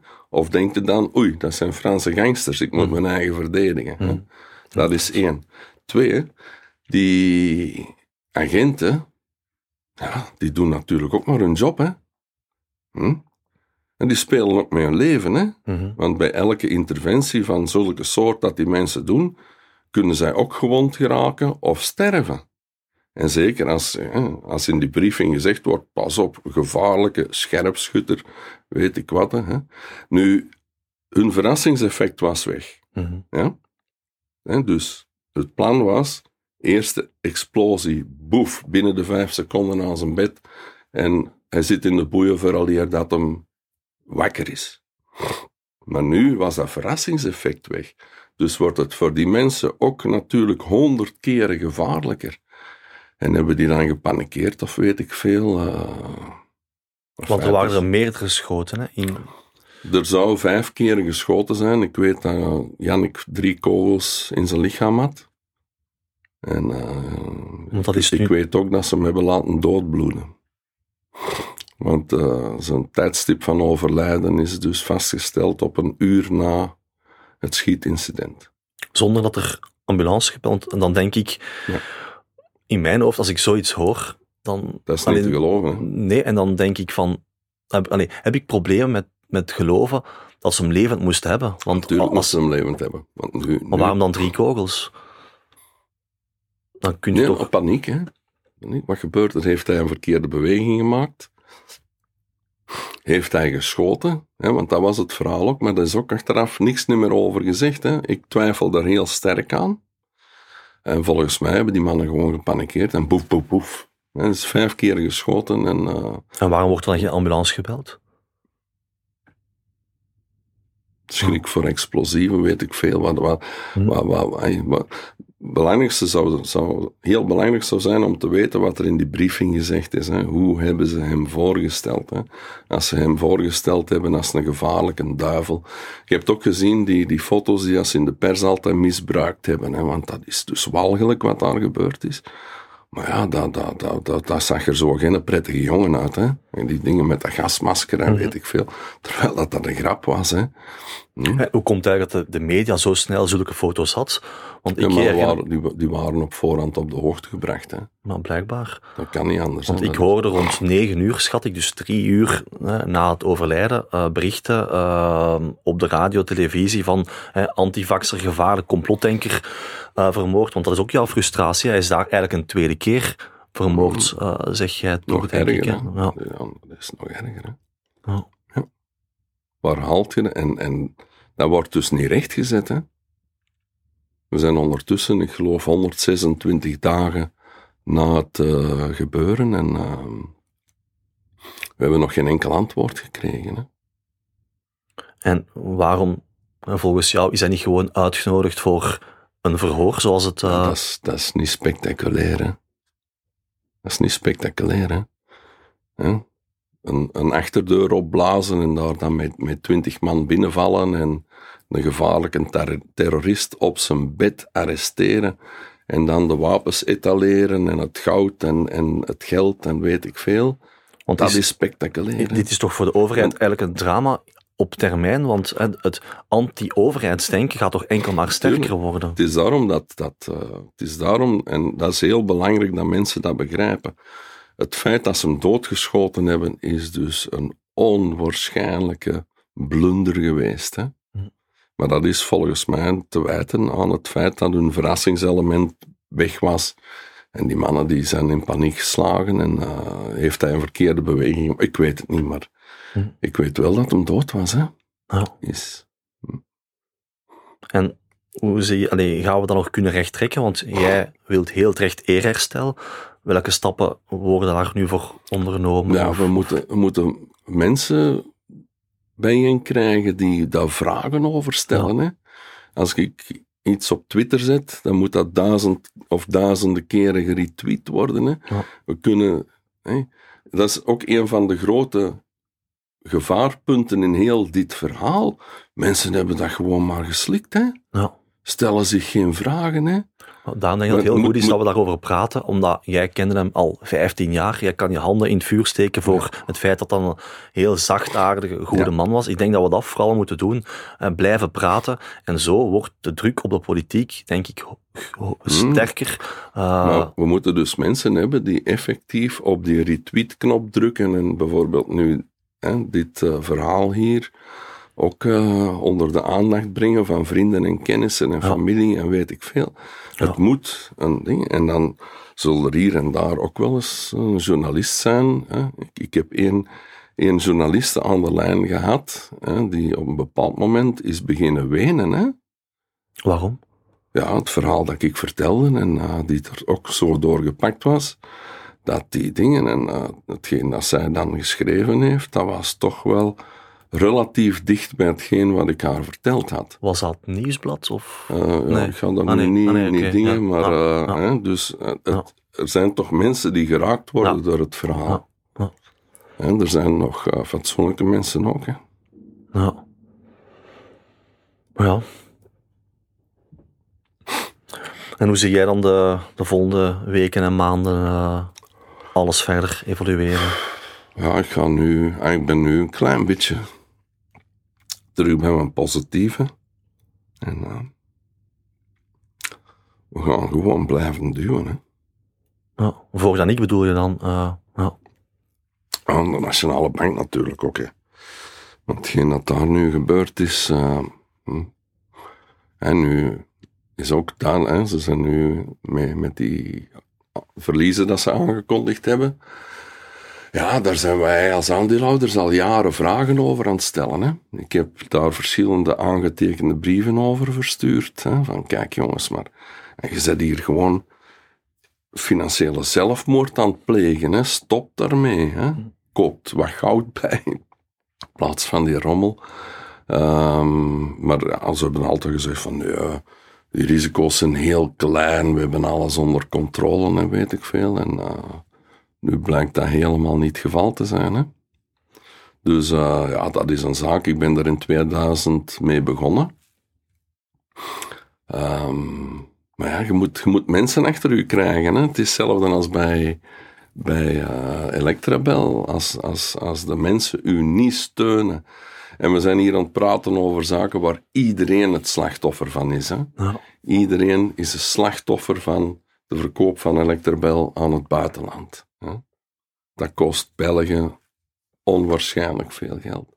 Iedereen is slachtoffer van het feit dat die politiek benoemde directeurs van de Nationale Bank het gros van de reserves in de schatkist gestoken hebben, gestort hebben om kunstmatige begrotingen in evenwicht uh, te creëren.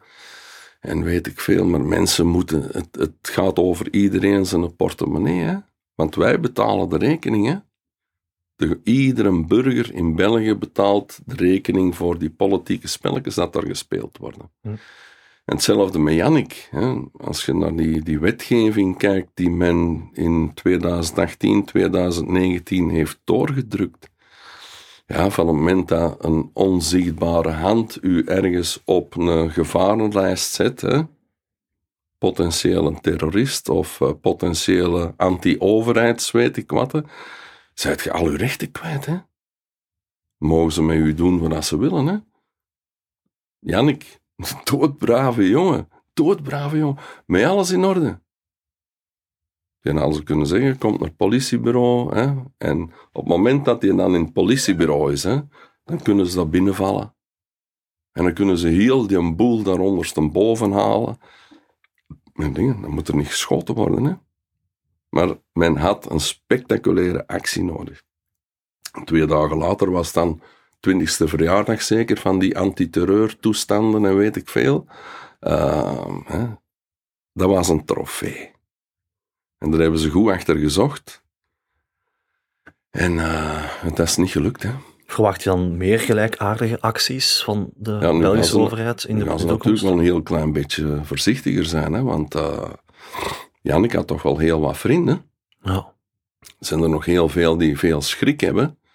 Maar uh, ja, als er zo'n zo verschillende clones gelijk ik ben, die uh, durven zeggen wat er gebeurd is en hoe Jannik was en weet ik Ja, want ik denk dat je het goed zegt. Uh, alleen niet dat je een kloon, een kloon bent, maar uh, ik heb wel de indruk dat een heel aantal Belgen of mensen die kritisch zijn toch wel schrik hebben gekregen sinds die gebeurtenissen. Tuurlijk, tuurlijk, tuurlijk. Ja, maar dat hebben we bij COVID-19 ook gezien, hè? hoe men daar zo keihard opgetreden is voor, die, voor een veredeld verkoudheidsvirus waar dat goed werkende medicijnen voor bestonden. Ja. Um, hm? En um, dan, dan met, met brutaal geweld. Hè? Alle minste tegendingen, masker niet op. Uh, en niet op een vriendelijke manier, hè, maar heel brutaal en direct met zware boetes en weet ik veel. Die bejaarde mensen op een bankje en weet ik wat. Hè. Ja. En de mensen krijgen schrik. Hè.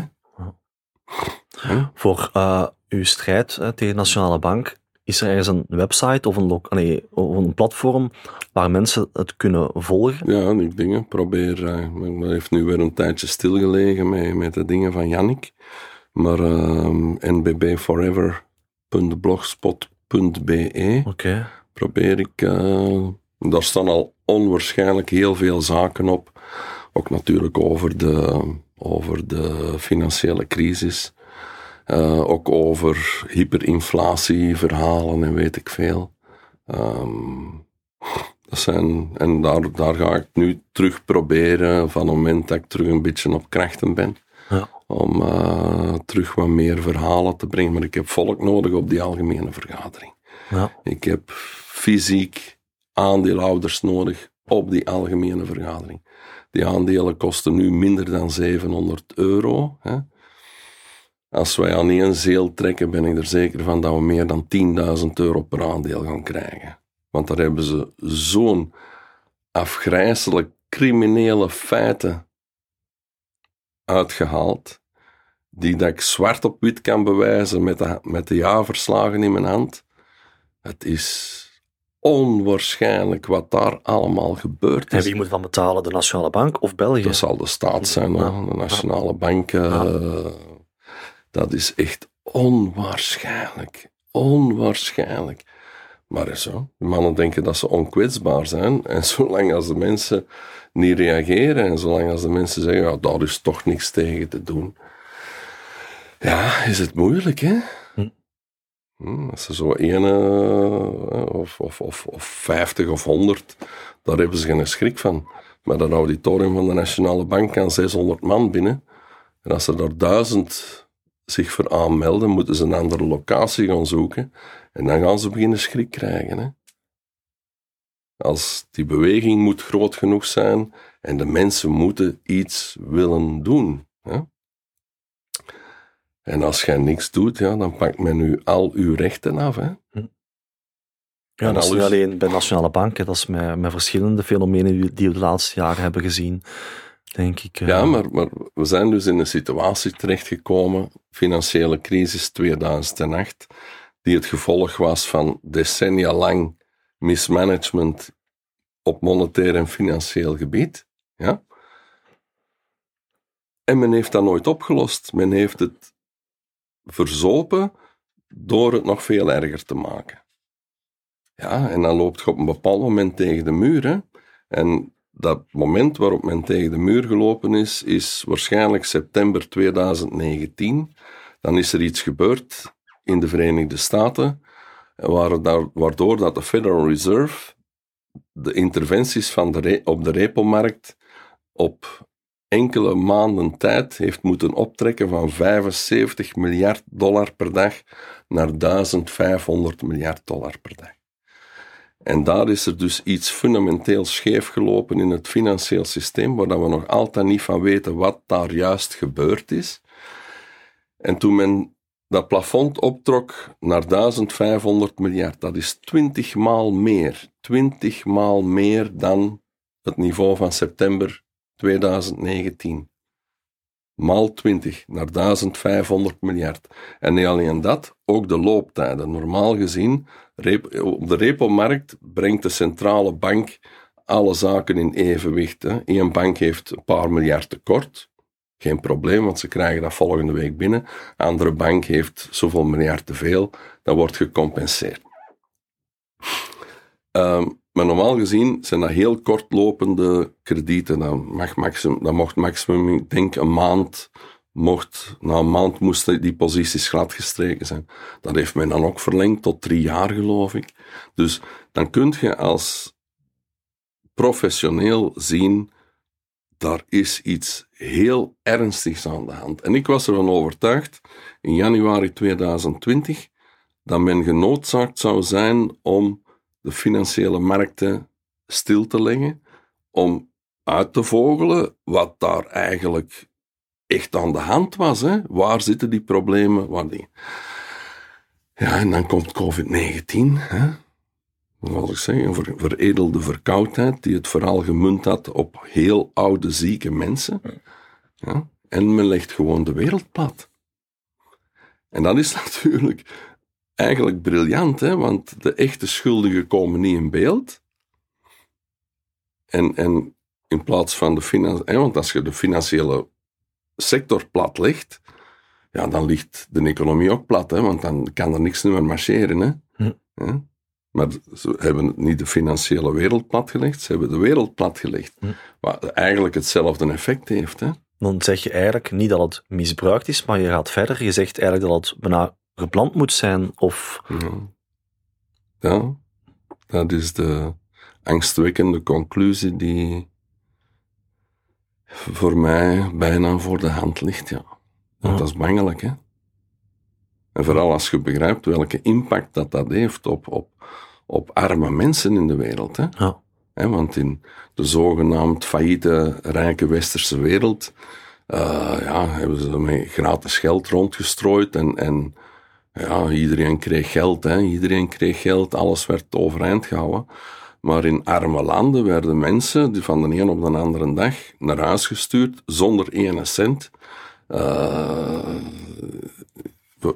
bijvoorbeeld in Kenia, Egypte, uh, Thailand en weet ik veel.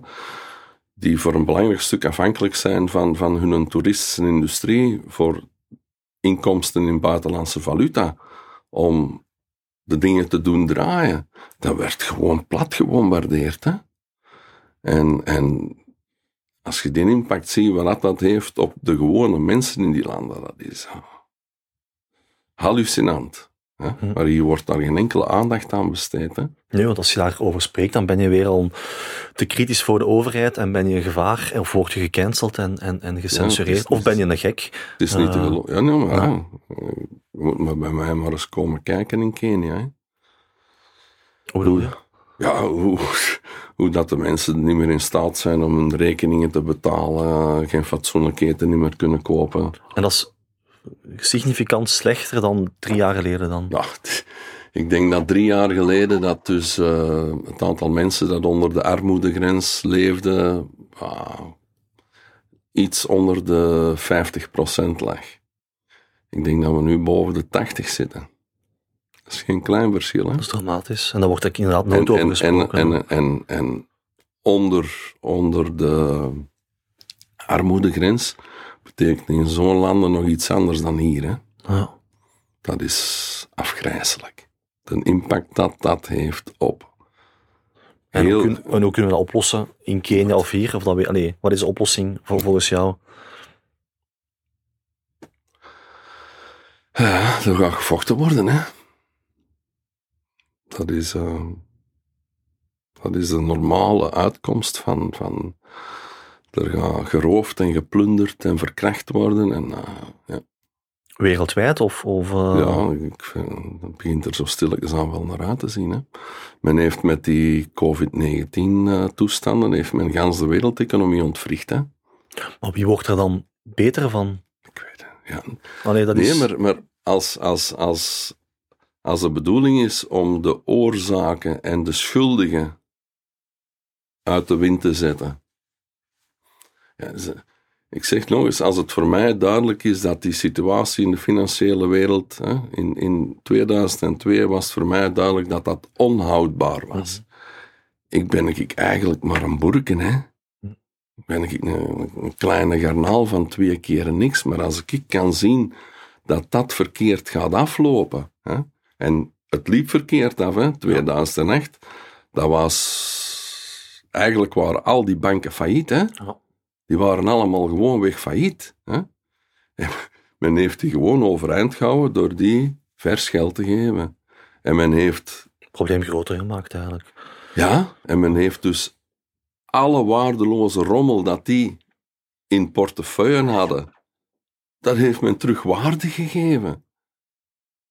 En als men iets waardeloos, waardeloos, hè, terug 100% van zijn waarde geeft, wat is dan nog de waarde van het geld? Hm. hm? En er is een, een gouden regel in de, de wereld van de centrale banken, in het monetair beleid. Hè. Vanaf het moment dat een centrale bank verkeerde dingen doet met het geld dat ze creëert, maakt ze gans het geld waardeloos. En dat is gelijk als dat je aardappelen in je kelder, dat gebeurt tegenwoordig niet meer, maar, hè, of, of appelen of dingen. En er moet er maar één rotte tussen zitten. Ja. Hm? En die zat er niet één rotte tussen, hier zitten er miljoenen rotten tussen. En, en dat is, denk ik, en dan gaan we terug naar Rusland, hetgeen dat Poetin ja, heel, heel veel rekening mee houdt, dat eigenlijk dat Westen ja, we, we, en je hoort dan, als je mensen praten over armoedecijfers en dakloosheid, dan weet ik van, oh, zo'n rijk land gelijk als wij, maar wij zijn failliet, hè? Hm. Wij zijn failliet. Wij kunnen op geen enkel, België kan op geen enkele manier op lange termijn aan zijn verplichtingen voldoen. Nou, en we hebben geen grondstoffen. En we hebben geen grondstoffen. En we hebben al onze reserves verkwanseld. Verhofstadt, Verhofstadt terug heeft alle overheidsgebouwen ver, verkocht voor een appel en een ei Ja. en heeft ze teruggehuurd aan een prijs die 50% boven de marktprijs lag. Ja. Dus iets dat je nodig hebt, verkoopt je voor een appel en een ei en, en je huurt het dan terug voor. Ja, we leven allemaal op een oceaan van geleend geld. En ja, heeft men nu daar ook die oorlog voor nodig om als, als afleidingsmanoeuvre en weet ik veel. Ja, het is eh, moeilijk, hè.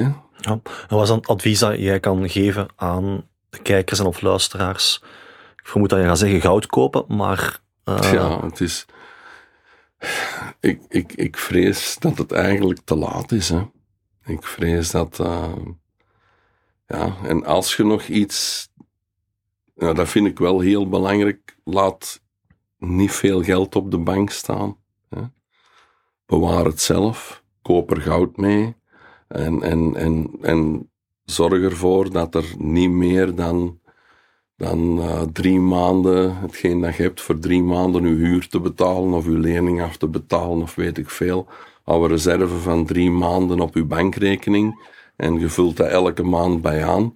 Maar van het moment dat er dan meer op staat, dan, dat, dat zijn dan dat zijn nog een van de weinige dingen die je nog kunt doen, denk ik, momenteel. Aandelen dan niet. Aandelen moet je dan niet bijhouden. Want je hebt toch altijd bij, bij bij de Goede, goede kwaliteitsaandelen, dat is op lange termijn geen enkel probleem. Die zullen hun waarde behouden.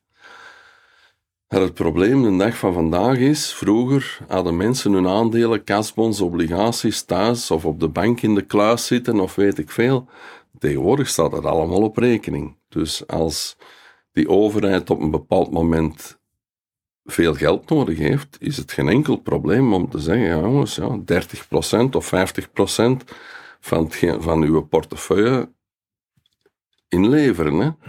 En, en de grote massa van mensen, die hebben moeite om, om hun rekeningen te betalen. Ja. Ja, die gaan geen compassie hebben met die 20% die dan eh, die 20% rijken, weet ik veel, Ja. die dan eh, de sterkste schouders moeten de zwaarste lasten betalen. Hè? Dus Maar het, is, het, zijn, het zijn de voorzichtige mensen die de rekeningen gaan moeten betalen van de roekelozen. Hè? Ja. Dus geld zo, zo weinig mogelijk op de bank, in goud hebben en dan zien dat je kunt eten, drinken en, en overleven. Ja, en zorgen natuurlijk dat je voldoende levensmiddelen in huis hebt om, om als het systeem echt in elkaar klapt, en ik vrees daar echt wel voor, dat je toch een aantal dagen of weken verder kunt met, met melk en, en, en eh, suiker en, en olie en weet ik veel. Hè. Dus dan moet je Pasta. eigenlijk doen wat Yannick eigenlijk perfect aan het, Ja. aan het doen was dan. Mensen die dat nu niet doen, die beseffen niet welke risico's dat ze nemen. Ja. Hm. Dat is, hè, je, ziet, je ziet wat er gebeurt. Hè. Je ziet die escalatie van die oorlog in. Hè. De jongste weken zijn er daar dingen gebeurd waarvan men maanden aan een stuk gezegd dat gaan we nooit niet doen, dat gaan we nooit niet doen, dat gaan we nooit niet doen. Maar ze doen het. Hè. Thanks. Nu beginnen ze over eh, gevechtsvliegtuigen te praten en weet ik veel. In de week was er een Amerikaanse generaal die zei, we moeten, als, als dingen, het conflict gedaan is, moeten we zorgen dat, eh, dat de Oekraïne nucleaire wapens krijgt. Weet ik. Een van de meest corrupte landen ter wereld. hè. Want trouwens, gevechtsvliegtuigen, eh, dat kan je niet zomaar leveren. Hè. Je moet die piloot, piloten opleiden. Als je gevechtsvliegtuigen wilt leveren, dan spreekt je van een jarenlang conflict. Ja, ja maar dat, dat, Ja. dat is automatisch. Hè. Dat Ja. is, dit is iets dat in de komende vijf jaar niet opgelost gaat geraken. Hè. Hm. Tenzij een van de partijen zegt van oké, we leggen ons erbij neer. ehm, en, en het ding is van, ja, Oekraïne, hoe lang gaat het dan die dat volhouden? Hè? Want Hm. eh, er sneuvelen er nogal wat. Ja. Ehm, en, en hier ook, hè, Nederland, België, weet ik veel, al die landen hebben sowieso al heel veel problemen om, om hè, hun, hun eigen mensen overeind te houden. Eh, mensen gaan er ook wel stilletjes aan genoeg van krijgen. Hè. Weer al 100 miljoen voor dat, hè. weer al eh, zoveel miljoen voor hier, eh, weer al zoveel wapens leveren. Ja. dat is een gevaarlijk spel. Hè. Maar ik zoek nog ergens een, een, een, een positieve boodschap, want ja, ik vind het ook altijd leuk om iets positiefs mee te geven aan, aan de kijkers of, en of luisteraars. We leven nog. Ja, we leven nog. Ja. En geniet van elke dag. Ja. Hè? Want we leven nog altijd Ja. een luxe leven, hè? Ja. We leven nog altijd een luxe leven, hè? We, we, we worden nog altijd... Ja, ik, ik heb altijd tegen mijn, mijn, mijn relaties gezegd... ehm, ik, ik, ik geef dus de realiteit weer, want hetgeen ik vertel heeft niks met optimisme of pessimisme te maken, gewoon de nuchtere realiteit. Maar onthoud dat nog nooit in de geschiedenis van de mensheid mensen zo lang en zo rijk geleefd hebben als wij. Ik, eh, wij hebben ons eerste toilet met stromend water. ik persoonlijk was ik 12 jaar, denk ik. Ja. Tot mijn twaalfde jaar was dat nog naar de koer. Hè? Ik weet niet of jij dat nog Ja, kent, de koer. Het husken in, hè? In de hof. Hè? Een, een houten plank met een gat erin en een groen door, deur met een hartje. Nou, Ja. Als dan min 18 vroor in die tijd gebeurde dat nog. Hè? En je moest dan, ah, dat was niet plezant. Hè? Maar, eh, hè, dus we hebben heel veel jaren heel zwaar boven onze stand geleefd, met geld dat we niet hadden. Daar hebben we ongelooflijk van geprofiteerd en genoten. Maar het was geleend geld. En nu, nu de positieve boodschap is dat we nu gaan mogen dat geleend geld terugbetalen. Hè? Ja. En hopen dat, dat we daarin toe in staat gaan zijn. Maar eh, ja, iedereen zou moeten proberen om zichzelf een klein beetje in te dekken tegen schokken waar dat je geen rekening mee houdt. Er, ehm, ja. het, het, het, het resetten van dat financieel monetair systeem, dat gaat niet om te lachen zijn. En ehm, het wordt iedere dag wordt het moeilijker. Hè? En dan, ja, wat, wat, wat, wat moet je voor positieve boodschappen eh, meegeven? Hè? We kunnen alleen maar hopen dat die tanks die dat ze nu aan Oekraïne leveren, dat die heel vlug een platte band krijgen. Hè? dat is, dat is eh, en dat die, die nutteloze slachtpartij, waar dan altijd de onschuldige mensen het meest van lijden, dat dat zo rap mogelijk beëindigd wordt en dat ze aan tafel gaan zitten en zeggen, kijk, wat is de situatie? Hoe is dit in godsnaam kunnen gebeuren? En laat ons dingen. Maar Ja. het probleem is dat er een heel belangrijke partij is in dit conflict die geen vrede wil, die, die een oorlog nodig heeft. Is het positieve misschien ook niet dat eh, als een overheid of overheden eh, een dwaas beleid voeren zoals ze de laatste jaren doen, en, en het wordt eigenlijk steeds erger, is het niet positief dat steeds meer mensen het doorprikken? Uh, zodoende dat we misschien in de nabije toekomst uh, dat kunnen overgaan naar een systeem met, met andere politici of... of, Ja, of het puin moet geruimd worden, hè? ja. puin moet geruimd worden. Hè? Moest ik nu uh, volgend jaar op, op, kunnen komen bij de verkiezingen en ik zou eerste minister kunnen worden en van dingen. En mijn boodschap in mijn programma zou zijn van mensen, we gaan proberen om de zaak terug op de rails te krijgen voor onze kleinkinderen, maar uh, de komende 50 jaar gaan we zwaar afzien. Hè? Hm. Wat was het eerste dat je zou doen dan? Moest je premier worden? Oh, dat is een moeilijke vraag, hè. Ik zou eerst Verhofstadt achter de tralies steken, denk En uh, ik zou daar een antiterreurteam op afsturen. en liefst een, een, uh, een Russisch misschien, ik weet het niet, maar ja... Het, ja, ik zou, ik zou, toch, wel, ik zou toch wel een aantal, een aantal mensen die de jongste decennia heel, heel, heel zware fouten gemaakt hebben, die ons land en iedere burger van dit land nog generaties lang problemen gaat opleveren. Daar zou ik toch, een, dat is misschien het eerste dat ik zou doen, ja, een noodwet uit voor dingen dat die mannen uh, opgepakt moeten worden en dat we de waarheid naar boven kunnen brengen. Ja. Misschien komen daar dan nog een aantal zaken naar boven die moeten aangepakt worden vooraleer dat we echt aan het herstel, want er zitten heel veel rotte plekken en die moeten eruit. Hè. Ja. En dat straks zei je ook, terug naar de Belgische frank. Dus ja, uit de euro. Onherroepelijk, hè. En dat gaat sowieso gebeuren volgens u. Ja, dat ja. kan niet. Ik, ik, ik denk, als ik mijn, eh, mijn eh, portefeuille bereken, ik doe dat niet dikwijls, eh, nou, toch wel een keer of twee per jaar, is nog altijd een frange. Maar we gaan er terug naartoe gaan volgens u. Kan niet anders. Kan niet anders. Oké. Echt de financiële situatie van, van Italië en, en eh, Frankrijk en dergelijke bekijkt. En ik vrees voor Duitsland. Ik vrees voor Duitsland. Want ik vrees dus dat eh, die problemen waar ik dus in, in, eh, in september eh, 2019, waar ik het over gehad heb, dat dat te maken heeft met de Deutsche Bank. De Deutsche Bank heeft zodanig veel derivaten in, in portefeuille dat als het daar verkeerd loopt, Duitsland voor de vierde keer op 200 jaar failliet gaat. Hè. En dat zijn natuurlijk, ja, Duitsland is, is, is, is de jongste 30 jaar altijd de sterkhouder geweest. Hè. En, eh, ja. Is, Oké. het is wat het is, hè. Je kunt het niet...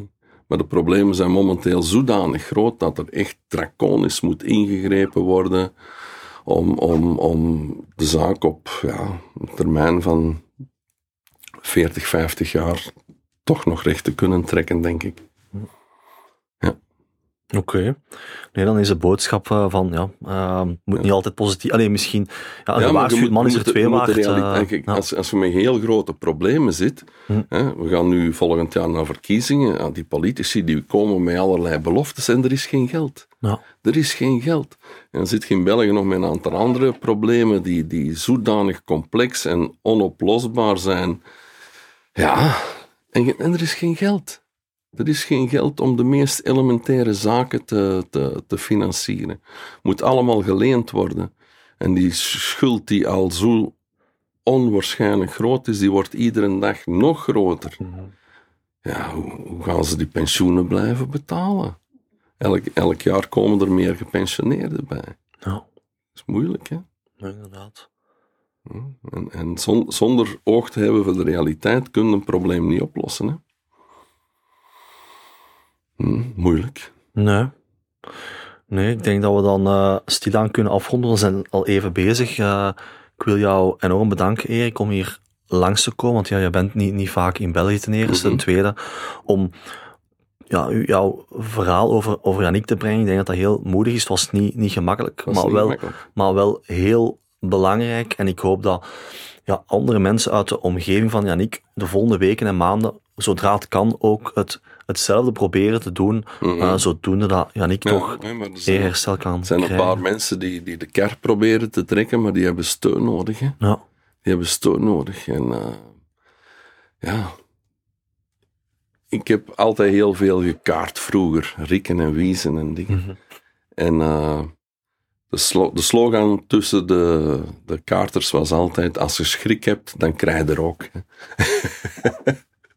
en eh, hetgeen met Janne gebeurd is, dat is hemeltergend. Het, de, de effecten op de familie, dat is. Dat kunt je met geen pen beschrijven. Die mensen die verdienen dat om steun te krijgen, om. Ja, ik, ik geloof zelfs dat eh, hetgeen dat in beslag genomen werd en zo, dat ze dat nog niet teruggekregen hebben. en alles. Er zijn 126 dagen voorbij, die fatale gebeurtenis en die mensen die zitten dingen. En dan, dan eh, nee. Maar kunnen, kunnen de mensen iets doen? Kunnen die een, een, bij wijze van spreken een mail sturen of een brief sturen naar zou... een Ah ja, die... natuurlijk. die, ja, eh, maar, nee, maar ook ja, via Twitter. Hè. Via Twitter is een ideaal kanaal. Hè. Je kunt die, die, die, politici die taggen. politici taggen. Ja. En eh, als die dat duizenden keren binnenkrijgen en elke dag opnieuw, boem, boem, boem. Want die zitten nu nog iedere dag hun weesge groetjes te bidden van het zal wel ophouden, hè. laat het maar ophouden, hè. laat het maar ophouden. Maar als die, die golf Ja. een tsunami wordt, ja, dan, dan plakken ze met de rug tegen de muur. Dat vind ik een mooie. Dus bij deze eh, eh, een oproep aan iedereen die kijkt en of luistert. eh, Ja. post het zelf. hè. Het- het- Ja. allee, deel. allee, schrijf een bericht zoals jij dat bijna dagelijks, denk ik, doe op Ik ga Twitter. nu terug beginnen. Ik heb het een En- beetje rustig aangedaan de jongste tijd, maar ik ga nu terug proberen iedere dag iets over Jannik te posten. Ja, super. En dat dan, die dingen, en ja, iedere retweet helpt. Hè. Die, en het zijn vooral de retweets. Hè. Die likes, oké, dat is plezant en dingen. Ja. Maar het zijn die retweets die tellen. Hè. Dat Ja. komt iedere keer binnen bij die mannen.